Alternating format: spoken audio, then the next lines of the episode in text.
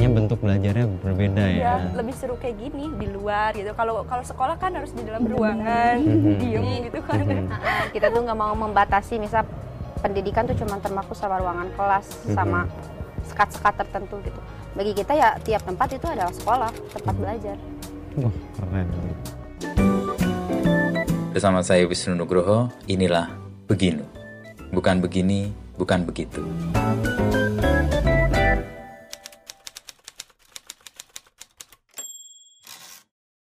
Banyak orang memuji kebukannya, terutama yang School of Revolution. Eh, ya kan itu kan? Iya. Itu lagi ada efek apa tuh? Debu yang ke di Belajar apa lagi? belajar kayak apa ya, di luar musik metal kayak belajar partitur partitur Oh, baca partitur. Oh, Siti meng- mendalami itu lagi. ya Mhm. terus kayak belajar blues note yang kayak gitulah Mhm, mhm. Oke, Siti. Kalau Marsha, kesibukannya apa belakangan? Aku sekarang lagi bikin lagu, Oh, bi- syair. Eh, lirik, Oh, liriknya. Ah, bikin oke. lirik, terus bikin musik juga, terus selain itu juga lagi ambil lagi les bahasa Inggris.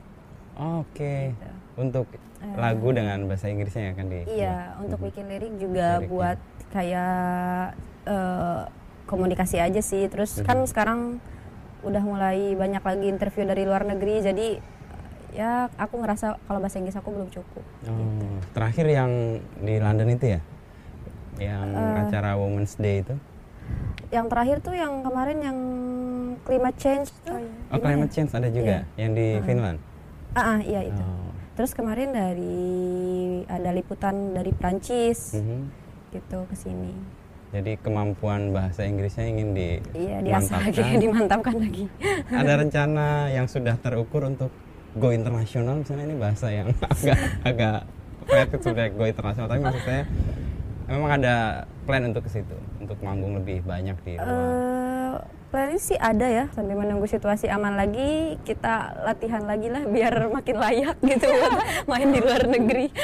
Widi apa kesibukannya? Kalau aku baru seben- sebenarnya kan kemarin Siti kan udah ngambil les, les drum. Mhm. Eh, terus sebelumnya juga kan udah les bass tiga bulan. Nah sekarang aku mau ngambil lagi, cuman masih nyari gurunya. Soalnya guru yang kemarin udah nemu itu Mhm. eh, kejauhan tempatnya, kejauhan. Oke. Sekarang masih nyari lagi. Terus sambil nunggu itu eh, udah ada jadwal lagi buat les gitar, tapi aku juga eh, ikut. Harus harus apa ya? Bukan Mengiringi. mengiringi harus Mengiringi, mengiringi. oke, Iya, oke. Itu paling. Jadi persiapan sambil menunggu situasi menjadi lebih baik, ini kayak diisi semua nih ya. Iya. Iya. Kesadaran ini tuh muncul karena kalian ingin mengembangkan VOB lalu membuat ini sebagai musik yang ingin dikenal atau karena apa? Eh, iya sih karena kita tuh sadar bahwa kita kan udah buka, dikenal bukan cuma di Indonesia, Mhm. tapi alhamdulillah udah sampai keluar. Bahkan lebih banyak dikenal di luar kalau saya Iya, lihat dari bahkan lebih dulu eh, dikenal di luar. Jadi kita tuh ngerasa bahwa masa sih dikenal mau dikenal di, dikenal di luar tapi dengan eh, apa kemampuan kita yang masih segini aja gitu. Mhm. Makanya kita eh, sambil nunggu kita ngambil les-les kayak gitu jadi biar eh, menyempurnakan skill lagi gitu. Hmm, Soalnya kan dari kampung kita eh, maksudnya belajar musik tuh kayak otodidak lah. Mhm. Jadi kita cuma belajar dasar dari abah terus sisanya cari di YouTube. Nah, Cari sekarang sendiri, ya. setelah di Jakarta kebetulan ada kesempatan ya kenapa enggak gitu buat belajar ke orang yang lebih profesional. Oke, jadi ini kayak level berikutnya ya Iya. setelah semua dari Garut, dari Abah. Abah itu siapa? Bisa cerita dulu. Siapa yang bisa menceritakan Abah yang disebut itu? Abah itu manajer Oke. kita dia tuh awalnya guru BP di sekolah Konseling, bimbingan konseling. Konseling, ya. Oke. Mhm. terus iya dia yang ngajarin kita Heeh. belajar main musik dari nol Dari nol. Semua masing-masing. Iya, Iya, masing-masing. Oke. Kita bertiga diajarin gitar, Abah. diajarin Drum, drum, diajarin bass bass. dari Abah. dari Dari Abah, Abah. Oke. Eh, Iya, terus kita tuh kayak eh, kes- saling mempengaruhi gitu sama Abah tuh. Jadi musik tuh udah kayak arena ngobrol, ngobrol antara kita sama Abah gitu, belajar banyak hal eh, belajar banyak hal dari perspektif yang pers- perspektif baru gitu yang berbeda Mhm, gitu. Kita tuh eh, nggak terdoktrin harus begini gitu ya, harus begitu gitu. Jadi ya sama abah tuh bahkan aku diberi kebebasan ya? Oh diberi kebebasan gitu. Ayo mau mau apa aja gitu. Jadi eh, mungkin itu juga yang membentuk eh, watak atau karakter kekaryaan POB saat ini Oke, jadi unsur rebel atau perlawanan atau upaya untuk mendobrak itu salah satu muncul dari Abah. iya dari abah Oke. Apa sih kegelisahan yang mau VOB suarakan dengan musik itu?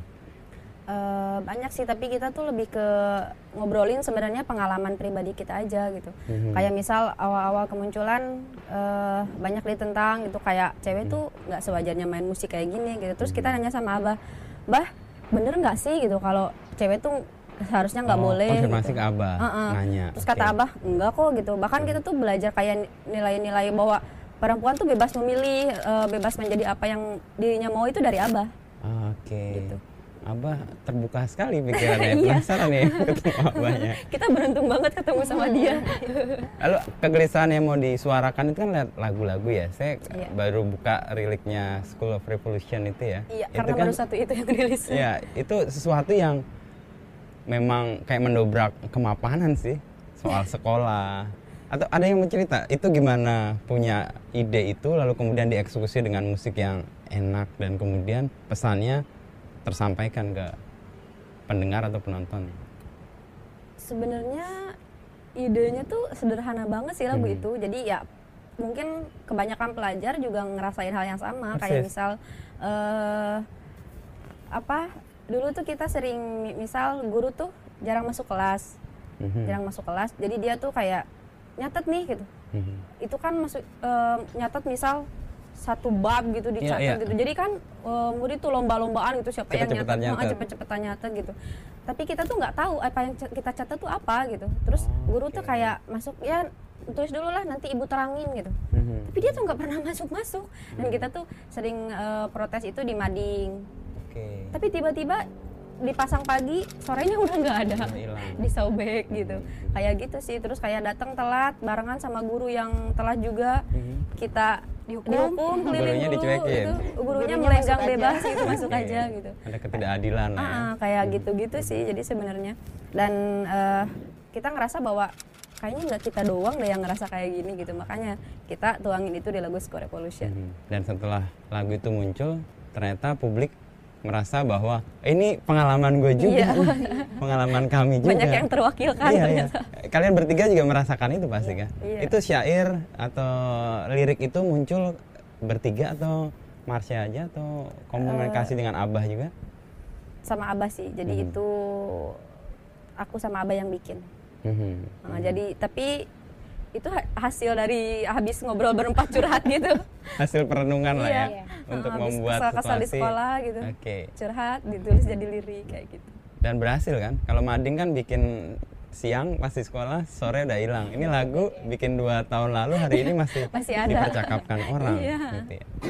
Di beberapa kesempatan saya baca kan kalian juga menyuarakan soal sisi perempuan, hak-hak yang sama. Tadi sebut soal keadilan ya, perlakuan yang tidak sama, tidak hanya antara gender sih, tapi juga soal senioritas tadi ya. Iya. Guru telat nggak diapa-apain, kita telat di setrap dan sebagainya. Itu muncul dari pengalaman juga kegelisahannya. Eh, untuk yang isu perempuan itu dari pengalaman pribadi juga Hmm. kayak sebenarnya kan kita tuh eh, bermusik dari keluarga sendiri susah banget dapet izin kayak Hmm. mau misal manggung di mana keluar keluar daerah tuh kayak perempuan tuh jangan jauh-jauh kayak gitu Oke. terus eh, dari orang-orang sekitar juga ngapain sih perempuan gitu main musik kayak gini gitu jadi seakan-akan tuh perempuan ya tempatnya di rumah nggak Hmm. ke mana-mana nggak boleh ke mana-mana kayak kayak hal-hal seperti itu gitu dan kita ngerasa masa sih gitu kan bukannya perempuan juga sama manusia gitu punya hak yang punya mimpi yang dia tuh berhak buat memperjuangkan punya itu mimpi gitu. ya. Mhm, mhm. Perjuangan kalian ke orang tua dulu gimana? Siapa yang mengalami apa ya upaya yang cukup keras untuk meyakinkan setidaknya paling ibu kan pasti ibu yang paling berat atau bapak atau siapa punya? Eh, jadi emang awalnya kita mendapat penolakan dari orang tua dan orang-orang sekitar karena mereka tuh terpengaruh oleh omongan tetangga karena kita kan suka berangkat pagi sekolah pulangnya sore karena habis latihan dulu di sekolah nah hmm, tapi kita tuh nggak apa ya nggak ngelawannya tuh dengan cara dengan ngomong ke orang tua tapi kita membuktikan dengan prestasi kayak misalnya kita sering ikutan festival band kita suka bawa eh, kemenangan atau Kemenangan. ya.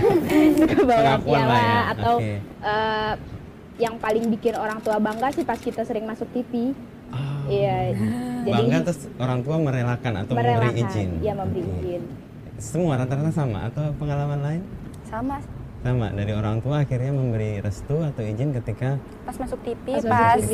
eh, pulang bawa piala emang emang begitu mama aku akhirnya juga direstui. gitu Oh, Oke, masuk TV itu jadi satu momen di mana kalian punya kesempatan untuk membuktikan juga ya Iya. bahwa apa yang dikerjakan, apa yang dilakukan di bermusik itu ada faedahnya ya. Oke. Kalau di posisi yang yang sekarang masih ada suara-suara yang seperti itu nggak? Jadi Masih. sekarang tuh udah kayaknya dulu tuh sebelum kita makin dikenal mungkin seperti itu. Tapi setelah sekarang makin banyak yang support, eh, mungkin untuk yang kayak kasar misal perempuan tuh nggak selayaknya kayak gini gitu, Hmm. itu tuh udah sangat minim. Oke. Tapi sekarang bergeser kayak misal baguslah untuk ukuran perempuan, Nah, seperti itu. Masih di underestimate ya, Iya. masih disepelekan. Ya, masih kayak gitu sih. Tapi pengalaman disepelekan bukan malah mengembirakan.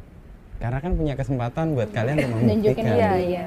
Iya sih kadang eh, kadang memang eh, itu juga jadi kita tuh jadi lepas beban kan. Mhm. Jadi orang tuh nggak berekspektasi lebih gitu. Kita mikirnya kayak gitu. Tapi karena mungkin keseringan kita tuh jadi agak enek gitu dengernya gitu. gitu ya. jadi ah, jadi setiap setiap misal di muncul di media mana yang viewersnya lumayan banyak gitu. Mhm. Apalagi yang misal apresiasi banyak kan orang luar negeri Persis, ya. semua. Tiba-tiba muncul satu orang Indonesia, baguslah untuk perempuan. Aduh. Kadang Tidak apresiasi skillnya, tapi apresiasi based on gender, Gender, based on iya. ketidaksetaraan yang di sini ya masih jadi isu sih. Tapi di luar kan orang apresiasinya dari karya kalian dan. Iya. dan itu terbukti sih setidaknya ya. Kalian tambah menambah keahlian kan dengan kesibukan sekarang sekarang ini. Lalu sekarang Jakarta deh. Ada perubahan nggak yang entah Marsha, entah Siti, entah Widi situasinya atau apa ini menguatkan kalian untuk menjadi pemain musik yang lebih naik ya levelnya. Awalnya berat banget ya pindah ke Jakarta. Mhm. Maksudnya kita tuh udah di zona nyaman banget di kampung Di gitu. Maksud- eh, dingin gitu, Mhm. sejuk gitu udara terus apa ya? Kayak nggak karena kan di sana sama orang tua gitu. Jadi Mhm. ya nyaman aja gitu hidup udah udah udah udah nyaman tiba-tiba ke Jakarta eh, ada pertimbangan untuk pindah ke Jakarta. Yang kita pikirkan saat itu eh, selama di kampung itu manggung kalau ada manggung di luar kota tuh pasti susah. Oke. karena terlalu jauh. Persis. Heeh, terus eh, ya terhalang segala macam lah. Karena kan kita dari Garut yang pelosok gitu. Ya kita mikirnya bahwa pindah ke Jakarta tuh bisa jadi salah satu anak tangga buat kita naik lebih tinggi buat ngegapai apa yang kita pengen gitu. Oke. Tapi deal dengan ketidaknyamanan yang tadi kan di Garut dingin sama orang tua. Iya. Ada abah di situ. Abah ikut nggak di Jakarta? Enggak. kan ada pasti perlu abah-abah baru ya tanda petik ya untuk membantu kalian deal dengan situasi yang nggak nyaman ini. Siti gimana kalau di Jakarta rasanya? rasanya sih di Jakarta aku merasa lebih produktif Hmm. beda kalau sama di kampung kan kalau di mana kampung lebih produktif? iya di Jakarta lebih iya karena Karena jauh dari karena mungkin tekanan di mana tekanan jadi lebih banyak bekerja biasanya kan aku di kampung menjadi pemalas beban orang tua ya seperti itulah ya semua support gitu Iya. ya. Ini harus mandiri. Oke. Iya, karena sekarang eh, udah di Jakarta bebannya lebih berat dan kan minta izin sama orang tua juga berat. Jadi orang tua tuh kayak ya udah kalau kamu di Jakarta kamu harus bisa kayak membuktikan apa gitu. Jadi terbebani sama itu juga. Jadi lebih banyak kerja kerasnya sih. Oke. Lalu Siti? Aku paling di Jakarta ini aku merasa jauh lebih men- banyak mendapatkan ilmu ya. Soalnya kan misalnya kalau latihan di studio di rumah Yang di biasanya kalau ya kalau kalau latihan itu kan cuma dari YouTube, cari-cari referensi langsung dari YouTube-nya gitu. Tapi kalau di sini langsung ke orangnya gitu seperti Orang les kan. Oh iya seperti les. Terus kan eh, aku eh, ketemu sama musisi-musisi Oke. keren kan di ibu kota ini. Dan mereka juga apa ya kasih ilmunya itu Tulus atau dulu jadi eh, jadi semua dikasih? eh, eh, gitu. Oke. Siapa yang sudah diketemu yang sudah ditemui dan mendapatkan ilmu dari musisi yang dianggap sebagai top gitu? Guru les aku, Mhm. guru les aku itu basisnya Hellcrash Mhm. dan ya itu aku jadi banyak mendapatkan eh, skill-skill untuk Baru. Mhm. bermain bass itu jadi lebih lah gitu. Oke, dari orang yang menurutmu punya kapasitas untuk memberikan Iya, iya. kemampuan itu ya. Nah, Jakarta untuk jadi pijakan mimpi, nah mimpi untuk kalian wujudkan tuh sejauh ini susah, pasti ada kendala ya. Hmm. Nah, untuk deal dengan kendala-kendala itu gimana? eh kita lebih sering apa ya ngobrol bertiga sih kan sekarang serumah Oh, oh jadi ya rumpian lah ya jadi iya Oke. jadi pagi siang malam ketemunya Ketemu. itu lagi itu lagi mereka lagi jadi sekarang kayak chemistry-nya tuh lebih dapat gitu dulu kan misal kalau ada eh, semacam kesulitan tuh kita ya cuman bisa kontek-kontekan lewat WhatsApp gitu jauhan ha. ya. kalau mau ketemu ya mesti agak jauh gitu karena kan beda kampung gitu Mhm. Eh, sekarang kalau misal ada apa-apa ya diselesaikan di situ bertiga Mhm. gitu jadi chemistry tuh memperkuat chemistry Chemistry-nya jadi ya. Jadi, Jadi itu lebih- pengaruh ke musiknya kerasa? banget sih banget Kerasa. yang aku rasa sih main musiknya juga jadi kayak lebih apa sih Menyatu. lebih nyatu Hmm. Ah, benar. Karena mungkin dengan bantuan chemistry Iya, jadi dulu kalau misal eh, bikin musik nih, bikin Iya. instrumen, bagian ininya gimana ya gitu. Terus tiba-tiba drumnya main gitu. Oh, nggak usah ngomong gitu. Oh, langsung ketemu. Li- Masuk. misal eh, cuman lihat orangnya aja. Oh iyalah, ketebak dia maunya apa Oh, gitu. Udah kayak oke. gitu sih. Mhm. Enaknya tuh udah kayak gitu. Jadi kayak komunikasinya non verbal ya. Nggak usah ngomong, orang udah tahu. Jadi lebih efektif Kayak gitu. telepati juga tuh. Upaya untuk itu ya. Iya. Nah, chemistry terbentuk. Lalu kan capaian yang mau diraih kan masih ada dalam tahapan-tahapan. Sekarang kalau kalian lihat tadi di Garut itu level tertentu. Lalu di Jakarta kan mau naik level untuk jangkauan yang lebih luas. Jangkauan yang kamu kalian mau capai itu mau setinggi apa mimpinya? dari skill mungkin juga kita udah mulai pencapaiannya tuh pengen eh, kan produktif berkarya banget gitu jadi Hmm. kita tuh pengen selama ini kan kalau bikin lirik juga masih dibantu abah Hmm. kayak gitu sekarang kita udah benar-benar bikin semuanya sendiri jadi di Jakarta tuh udah mandiri dan kita tuh lebih kerja keras Mhm. kalau mus- kalau misal di kampung itu orang-orang bilang dari kampung nih muncul ke, eh, sampai ke kota dan ke luar negeri itu kerja keras. Nah di Jakarta ini kita dua kali lipat lagi lebih kerja keras Lebih kerasnya ya. Mhm. Dan kita eh, dan itu agak meleset dari pemik- prediksi kita waktu di kampung. Kita kan mikirnya ah pindah ke Jakarta nih bakal segalanya gampang dong gitu karena eh, udah di ibu kota ini gitu terus eh, ke mana-mana gampang tapi ternyata enggak. Enggak, malah harus dua kali lebih keras lebih keras kerja keras lagi adaptasinya juga susah ternyata iya kayak gitu Jadi yang lain pengalamannya sama? Ada mimpi yang masih jauh kayaknya belum terwujud atau on the track untuk bisa dicapai? Pengen keluar negeri kan mimpinya Ah, pengen keluar negeri. Iya sih, tapi dengan kemampuan yang kalian terus tingkatkan Iya. dan respon orang yang melihat kalian pasti ketika ruangnya terbuka sih saya yakin sih ada minimal sekarang udah manggung-manggung kayak buat online buat itulah Mhm.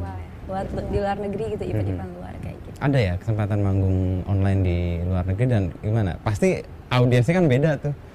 Suasana Eh. untuk dapat apa ya feel manggungnya Iya. kan juga beda. lebih kalau online tuh sebenarnya lebih capek karena kita kan nggak dapat energi balik gitu kayak misal nggak ada penonton Ah, gitu oke, oke. jadi kita tuh bener-bener pure uh, menghabiskan energi lebih gitu karena ya kita istilahnya berusaha sendiri gitu di panggung gitu buat menghibur orang gitu karena nggak ada penonton tapi yang kita bikin excited tuh karena eh, apa ya feedbacknya tuh selalu bagus gitu Hmm, jadi orang-orang meskipun online. ah meskipun online gitu Mhm. yang waktu dibuat Woman of the World itu Mhm. yang di London itu itu rame kan lumayan gitu jadi kita tuh ngerasa eh, wah ternyata banyak jadi banyak apa ya perempuan kita yang kita kenal gitu kenal sama perempuan lain di Mhm. dunia yang juga ternyata sama-sama memperjuangkan Ah, isu memperjuangkan yang isu yang sama ya. gitu, Mhm. kayak gitu. Jadi jaringan terbuka lah ya. Ha-ha. Dengan koneksi-koneksi baru yang Iya. didapat justru karena situasi kayak gini nih ya. Heeh. Meskipun energinya nggak dapat langsung balik ya. Tapi menggantikannya dengan apa? Selain dapat jaringan, selain dapat koneksi baru. eh, kita jadi punya pengalaman baru kalau ternyata oh manggung di luar negeri itu harusnya kayak gini gitu. standar yang mereka pakai di Indonesia sama di luar tuh berbeda. berbeda gitu. Lebih Kalau- tinggi pasti? Kalau misal ternyata bukan cuman kita tuh bukan cuman skill ya gitu yang harus kita eh, apa mainin gitu. Mhm. tapi juga ternyata rasa buat sam- sampai lagu itu bisa sampai ke yang denger tuh ternyata itu tuh lebih lebih capek daripada skill aja gitu. Mhm. Selain skill apa yang dibutuhkan untuk menyampaikan pesan ke penonton atau penikmat musik feel Mhm. feel lagu Mhm. dan itu sebenarnya cara mempelajarinya tuh lebih lama daripada mempelajari skill itu sendiri itu non teknis ya Iya, lebih kayak Dan kamu itu kan- merasa nggak dengan ah, lagu nggak itu? bisa nggak bisa maksudnya dari orang luar gitu Mhm. mesti diri kita sendiri yang beresin Hmm, hmm. Gitu. Jadi kita ngerasa utuh dulu, mendapatkan feel-nya, baru bisa menyampaikannya kepada orang lain. Iya, Nggak sekedar kayak teknis aja ya. Dan tadi juga pengalaman teman-teman VOB kan menganggap bahwa Jakarta kan ternyata lebih mudah, ternyata Iya. Malah butuh dua kali effort ya. Iya. Dan di sini kalian berusaha untuk menemukan atau meraih mimpi-mimpi yang belum terwujud. Nah VOB sendiri di awal dibentuk 2014 ya? 2014. 14 itu namanya sih udah orang sudah banyak menjelaskan voice of baceprot ya Iya. suara berisik gitu ya itu pengaruh karena bunyi kipas angin di tempat kalian latihan atau apa nama itu muncul dari mana itu dari abah sih Dari sebenarnya Abah. Mm-mm. ya abah kasih nama itu dulu karena itu katanya sesuai sama karakter kita Mhm. karena saat itu kita tuh bawel segala macem hal dikomenin gitu jadinya Iya. dia terus selain itu pas main musik berisik pula musiknya. Mhm. terus jadi ya udah deh cocok kayaknya nama pas apa ceprot gitu. Ya dua-dua itu yang kemudian menjadi nama itu kayaknya ya udah karakter yang sesuai dengan kalian. Dan pesan yang kalian sampaikan kan juga pesan-pesan yang berisik untuk orang-orang yang mapan. Kayak tadi yang soal sekolahan kan. Diajari sesuatu yang kalian nggak tahu disuruh melakukan sesuatu yang kalian nggak pahami diminta bermimpi untuk bukan hal yang kalian impikan itu kan sesuatu yang nggak sesuai dengan itu dan kalian suarakan itu buat orang mapan tuh berisik tuh sadar nggak bahwa kalian menghadirkan keberisikan atau gangguan itu? Eh, kita mulai sadar setelah rame di, di medsos ya, Iya. Mhm. rame di medsos sama media gitu. Jadi eh, kita tuh kayak ternyata sengaruh ini ya gitu. Kita awalnya ngerasa bahwa biasa aja gitu. Kita main musik ya main musik aja gitu. Mhm. Kalaupun misalnya ada yang disuarakan, kita nggak nyangka bakal gaungnya tuh se- besar sebesar itu, Mhm. gitu. Mhm. bakal sampai ke luar-luar segala. Mhm. Untuk tema-tema yang kalian suarakan itu muncul dari mana? Atau gimana kalian merawat kegelisahan kalian terus menerus? Eh, itu sebenarnya Dari pengalaman. ah, dari pengalaman pribadi sih. kita sendiri. apa sih. yang kita apa yang kita rasakan. ah, Terus yang eh, kita lihat, yang kita, kita baca, alami. kita denger, Mhm. itu yang kita bikin lagu. Jadi kita tuh dari awal eh, berusaha untuk bikin lagu yang terdekat aja, pengalaman terdekat yang kita lihat, kita rasakan. Jadi kita tuh lebih bisa nyampein dengan kayak gitu kita merasa lebih bisa nyampein itu ke pendengar. Oh yang tadi feel tadi itu Feel ya? tadi itu. Karena ada feelnya, Iya. kalian mengalaminya sendiri lalu menyampaikannya lebih mudah. Dan mungkin pendengar juga akan dapat itu ya. Iya. Saya selalu percaya ini sih, sesuatu kalau disampaikan dari hati, itu yang akan kena tuh hati-hati yang lain tuh. Hati-hati. Iya. Kalau disampaikan yang dari kepala itu yang kena ya kepala doang. kepalanya doang. Ya, apalagi kalau itu dari jiwa gitu lebih dalam lagi ya. Itu pasti jiwa-jiwa yang lain yang akan terketuk. Soal tema nih, tema yang teman-teman VOB buat ini kan tema-tema yang agak jarang jadi tema di industri musik kayak gitu ya, menyuarakan perempuan, ketidakadilan dan ini pakai tema musik-musik keras ya. Itu by pilihan atau ya udah terjebak di situ ya udah main itu aja. Eh, itu pilihan kita sendiri sih. Hmm. Jadi tapi dari awal abah berkali-kali itu nanya bener nggak nih, yakin nggak nih kayak gitu. Ini nggak gampang loh gitu. Mhm. Dan kita kita menyadari hal itu gitu. Dan kita tuh nggak nggak maksudnya kita mikir kalau kita kalau kita nggak speak up mau siapa lagi gitu mau nunggu sampai kapan gitu Mhm. kita Mhm. pilihannya lebih ke situ sih karena ternyata tuh bukan kita aja gitu yang merasakan apa yang kita sam- eh, yang kita rasakan tuh ternyata bukan bukan kita, kita aja, Mhm. gitu kayak isu perempuan itu tuh bukan kita aja orang-orang terdekat kita juga kadang ternyata punya perasaannya sama cuman mereka nggak Nggak berani nggak berani speak up Hmm. kayak gitu Nah, untuk berani speak up kan ada resiko tuh. Dealnya gimana nih kalau menghadapi resiko? Pasti kan entah dicibir orang, Iya. dinyinyirin orang, rasa apa sih ini? Apalagi sorry tuh saya gitu ya. Orang-orang kan lihat kadang-kadang senioritas juga nih, ini anak Iya, baru kemarin. Itu menghadapi itu gimana kan? Eh, karena kita bebas berpendapat jadi kita juga membebaskan mereka Berpendapat juga. Pendapat apa pun. jadi kita lebih apa sih lebih biasa aja ya, enjoy aja sih Mhm, mhm, mhm. jadi mikirnya ya ya terserah lah gitu kan orang-orang kita tuh harus merelakan sebagian dari diri kita ya buat jadi konsumsi konsumsi persepsi orang lain gitu. Mhm. Seperti juga gitu. kalian mempersepsikan sesuatu Ah, juga sesuatu. orang lain ya kepada kalian. Kayak gitu terus kita juga udah biasa kita justru eh, abah bilang ya itu tuh nggak bukan masalah gitu justru kalian tuh justru mungkin makan akan besar dengan itu gitu Iya. Mhm. jadi ya kita tuh dari awal kemunculan udah dibarengi dengan hal-hal kayak gitu Mhm. sih dari Dengan sejak kontroversi awal yang muncul, terus iya. menerus gitu ya. jadi ya udah sekarang udah mulai biasa aja Menganggap itu hal positif nggak? Eh, Kan dari kontroversi itu karena jadi dipercakapkan kan? Iya. Setidaknya ada di radar orang-orang yang tadian tidak tadinya tidak menaruh peduli gitu. Itu ada sisi positif dan negatifnya sih. Ada. Dan sisi positifnya itu kan. Oke. Jadi kita tuh nggak perlu eh, koar-koar kita siapa gitu. Iya. Tuh orang udah membicarakan Udah itu dengan membicarakan kita di luar Mhm. kita nggak usah bayar mereka, nggak usah apa-apa mereka mereka udah ributin sendiri. Jadi Iya. biar aja mereka yang ribut gitu. Kita Mhm. main enjoy aja. Mungkin itu sisi positifnya. Kita Oke. makin banyak dibicarakan, lebih dikenal, lebih didengar. Mhm. Dan negatifnya mungkin ya kitanya yang Kitanya. kadang kadang Eh, suka mentalnya dapat. Jadi kadang kita kan bertiga nggak selamanya tiga tiganya kuat gitu. Iya. kadang ada eh, tiba-tiba Siti yang merengek-rengek gitu. Oke. terus kan eh, kadang energi eh, putus asa atau ne- negatif kayak gitu kan lebih lebih Nular. gampang nular. gitu sebenarnya. Iya, iya, iya. Jadi kadang eh, tapi karena kita nyadarkan hal itu ketika ada salah satu yang ngeluh yang dua yang waras itu Jangan ikut mengeluh. jangan ikut mengeluh mesti mesti ya, me- Hmm. membangun dia untuk ayo gak apa-apa kok bangun lagi gitu Itu secara bergantian atau di antara kalian mana yang sering kali punya keluhan atau siapa yang sering berperan untuk menjadi penguat? lihat ke yang berperan penguat itu Marsha Marsha paling kuat. Oke. Jadi Yang sering gitu ya. membangkitkan lagi udahlah gitu. iya Marsha Marsha. jadi Marsha itu selama di Jakarta aku jadikan sebagai pengganti Abah karena emang aku sama Mi- sama Widi sih yang paling banyak ngeluh aku aku jujur dan suka banyak ngobrol sama dia dan dia tuh suka kayak gini nih misalnya aku minder nih maksud aku mau takut nggak?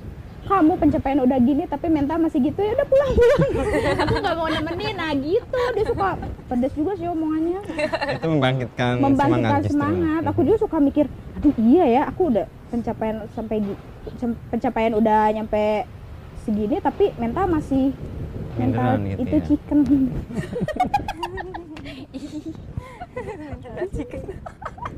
Tapi justru itu kan yang membuat kalian sadar lagi kan Iya. atau Siti, oh iya ya gue harus mencapai Iya. sesuatu sih.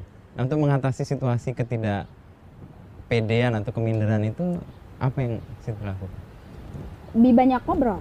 Dengan Lebih banyak Marsha? ngobrol ke Marsha, terus ke Abah Mhm. dan ya syukur bersyukurnya aku mempunyai dia. dia selalu memberi masukan positif dan memprovokasi aku untuk lebih bangkit Nah, dan berdiri lagi. enak banget bahasa Widi juga menemukan hal yang sama dari Marsha. Iya, dia itu kalau misalnya aku ngeluh ke dia, dia paling suka masa sih kamu kalah cuma sama komenan kayak gitu? Masa sih kamu mau dengerin orang yang eh, Menilai. apa? Iya menilai Mhm. kamu sambil tiduran gini, Widi mainnya jelek. Masa kamu mau mau tumbang gitu aja? Paling Mhm. gitu. Mhm. Iya, iya. Itu sih paling. Nah, ketangguhan Marsha dapat dari mana itu?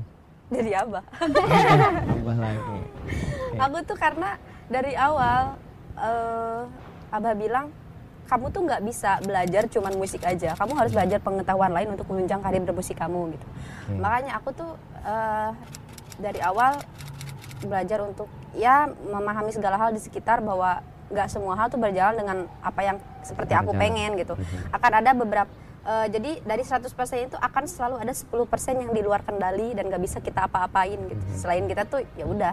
Pasrah. Pasrah aja, ikutin aja Ikhlas. gitu.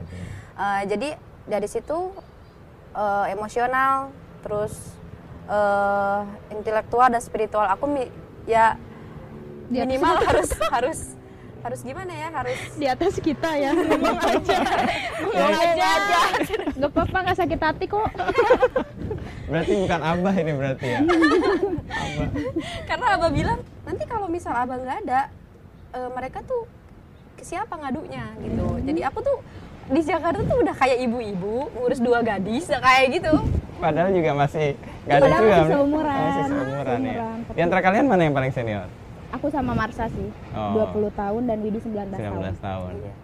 Oke, tapi dengan kematangan ini membuat kalian memposisikan Marsa kayak ibu ya? Atau abah tadi pada posisinya ya? iya duh nggak tahu deh cosplay Kalau Marsa sampai terbentuk itu ada bacaan-bacaan khusus nggak? Atau ilmu yang dipelajari atau teori-teori apa yang dibahas atau dari abah dapat apa?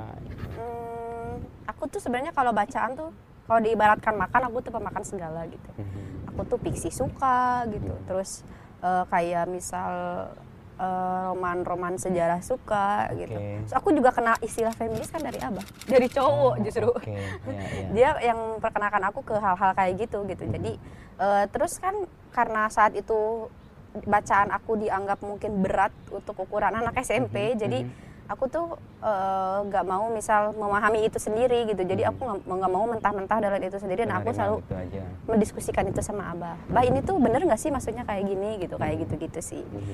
Eh, bacaannya ya kayak eh, Mbah Pram iya terus Oh, Tan oke. Tan Mhm. eh dia mah serem enggak aku Harry Potter juga baca Ih, Harry Potter aku versi Ih, Jason. kamu suka merendah Tokoh feminis yang ada dalam bayangan Marsha siapa?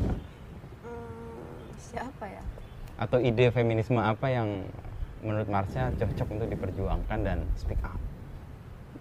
Eh, mungkin udah banyak mungkin udah banyak orang yang menyuarakan dan memulai tapi aku pikir kesetaraan itu emang perlu gitu tapi aku tuh lebih menekankan bahwa yang yang sangat-sangat urgent tuh pembagian porsi dan peran menurut aku Porsi dan Nah, peran. kesalingan jadi kesalingan antara Gimana tuh? perempuan Mhm. dan laki-laki gitu misal eh, bahwa perempuan tuh berhak eh, berkarya juga Mhm. gitu terus berhak memperjuangkan apa yang dia inginkan gitu berhak untuk berbicara eh, selama ini kan yang dikenal tuh dari yang bikin orang tua sulit untuk ngizinin kita juga kan kayak misal perempuan tuh tidak untuk dipertontonkan kayak gitu Oh, Oke, Itu- pembatasan-pembatasan Iya, batasan-batasan area itu kayak yang gitu, mau diperjuangkan ya. Mm.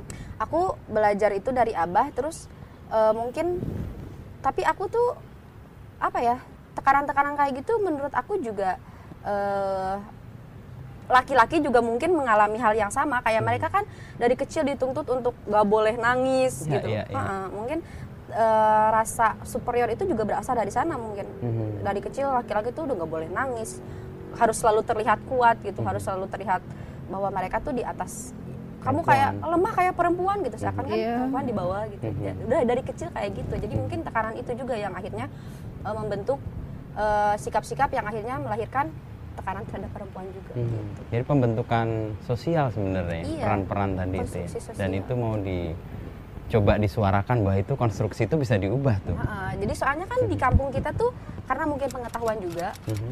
jadi orang-orang menganggap ya itu wajar udah dari dulu gitu kok ngapain diubah-ubah Mhm. Menemukan benturan-benturan nggak tuh tembok yang harus dilawan nggak ketika menyuarakan itu? eh banyak sih sering banget banget Mhm. Eh, sampai sekarang pun masih begitu Mhm. dan tapi aku tuh selalu seneng karena maksudnya bukan bukan seneng maksudnya bersyukur akan Mhm. hal itu karena eh, aku tuh jadi nambah pengetahuan baru Mhm. maksudnya ketika misal ketemu benteng baru Penghalang baru gitu. oh, ya. penghalang baru ngakalin buat Nembus nembus itu itu, gitu. tuh gimana Hmm. tuh jadi aku tuh mungkin kalau kayak gitu aku bakal terus terjebak di zona nyaman Mhm. ya udahlah merasa cukup gitu segini juga udah Eh, Uyuh. udah uyuhan Apa tuh Yuhan? apa Indonesia? mending Mending. Oh udah mendingan gitu ya. Ya udah segini juga cukup mungkin bakal merasa terus kayak gitu kan Mhm. tapi eh, seiring berjalannya waktu ketemu lagi tantangan baru ternyata wah masih jauh Iya. jauh banget mhm. Dalam musik kalian membayangkan akan menjadi seperti apa sih? VOB itu kan pasti ada kayak impiannya atau bayangan akan jadinya setelah posisi sekarang. Selain tadi manggung di luar negeri itu pasti saya yakin nggak akan lama lah itu akan Amin. terwujud. Amin. Pengen go internasional pokoknya. Go internasional Menginspirasi. banyak menginspirasi kader bangsa. Oh, anak-anak Siti bangsa. berat-berat banget loh hari ini bahasanya nggak Ibu seperti kan biasa cuma badan. betul betul Ngomongnya juga harus berat. karena badannya diseimbangkan gitu maksudnya Diseimbangkan. diseimbangkan Soal kan butuh mukul-mukul, butuh energi yang banyak, maka butuh badan. Tapi grup musik yang menurut kalian jadi acuan atau setidaknya, oh gua harus atau kami harus jadi pemusik yang menyuarakan pesan-pesan seperti A, B, C gitu ada? Ada Ada. Hmm, Widih, System Up or Down, System of terus Down, mhm. Rage Against the Machine. Let's Against the Machine kalian sering disebut-sebut dan di, di apa dipadankan, oke? alhamdulillah Apa lagi siapa? Menyuarakan. iya Hmm. Yang musiknya penuh pesan seperti yang ingin kalian suarakan gitu. Kita lebih konsen ke dua Dua band itu itu, sih dua sebenarnya Dua itu karena ya, oke. mempelajari dua band itu aja sampai sekarang belum beres-beres Beres belum hatam sih. Belum hatam Tapi kemampuan Marsha kalau ngomong kan bisa cepet banget tuh. Iya. Itu dilatihnya dari mana? itu kayaknya dari kecil ya Kalau di lirik itu kan nyanyi plak, plak, plak, Iya, sampai kadang-kadang kita ngikutinnya agak kewalahan. jadi aku tuh eh, emang suka hip hop suka hip hop dari aku tuh kecil. suka hip hop tapi freestyle nggak bisa nggak bisa freestyle. Iya. Bisanya dengan ya musik. maksudnya aku tuh heeh. jadi misal aku suka hip hop dari dulu sih Hmm. dari pas SD, SMP, masuk MTS, MTS, Heeh, aku oke. tuh udah suka hip hop terus ngerasa kayaknya keren ya kalau bisa kayak gitu gitu terus diulik diulik gitu makin keseringan makin makin jatuh cinta aja Oke. Heeh. Dan ngelatih kecepatan speed untuk ngomongnya. Eh, karena se- sehari-hari pun aku emang gitu ngomongnya Kasihan berarti orang yang deket sama dia kan kalau aja ngobrol. makanya aku tuh udah sering lebih sering sekarang ngomong seperlunya karena kalau ngomong gitu merepet gitu Gak diem. Kalau udah ngomong banyak seret. seru nggak ada nggak ada berhentinya ya eh pertemuan kalian di musik itu kan di remaja ya saat remaja ya saat kalian mau apa ikut panggung musikal ya Banyak. lalu kemudian kalian memilih ini dan yakin ini jalan yang kalian harus lakukan di luar pilihan-pilihan yang pasti pilihan lain kan juga ada kan? Iya. Itu kapan titiknya?